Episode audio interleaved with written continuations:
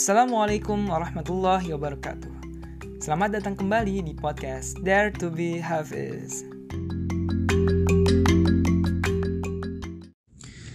أعوذ بالله من الشيطان الرجيم يا أيها الذين آمنوا كونوا أنصار الله كما قال عيسى ابن مريم للحواريين من أنصاري إلى الله قال الحواريون نحن أنصار الله فآمنت طائفة من بني إسرائيل وكفر الطائفة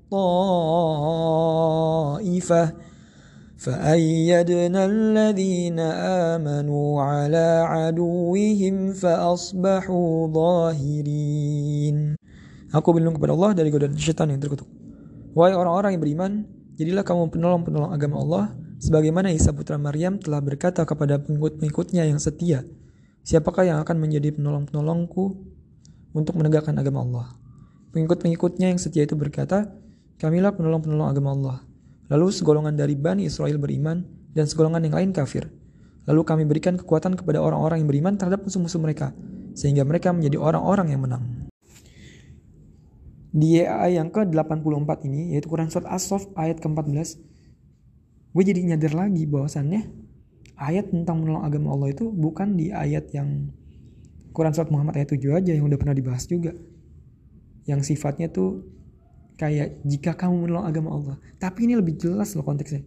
Jadilah kamu penolong-penolong agama Allah. Wah jadi kayak bener-bener kayak langsung perintah gitu loh. Jadilah kamu gitu.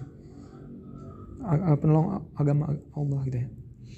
Jadi yang sempat viral itu pernyataan bahwasannya Allah tuh Allah ku kuat nggak butuh tolong sama cemnya ya itulah orang-orang yang mencoba memperkeruh mencoba merusak kedamaian yang ada aja gitu.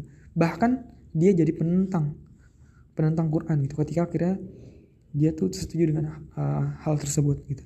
Nah apalagi kalau misalnya ternyata orang yang muslim yang juga akhirnya mengamini kalimat tersebut itu udah bertentangan sama Quran. Karena di Quran sendiri itu diperintahkan untuk menolong agama Allah, membela Allah ketika akhirnya dilecehkan, ketika akhirnya dijelekkan. Maka di sini mungkin uh, yang jadi pertanyaan adalah sebenarnya keimanan kita sendiri gitu.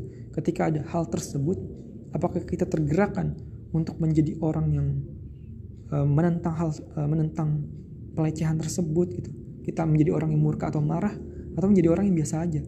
Di situ letak akhirnya keimanan kita tuh bisa terjawab gitu ya. Gitu.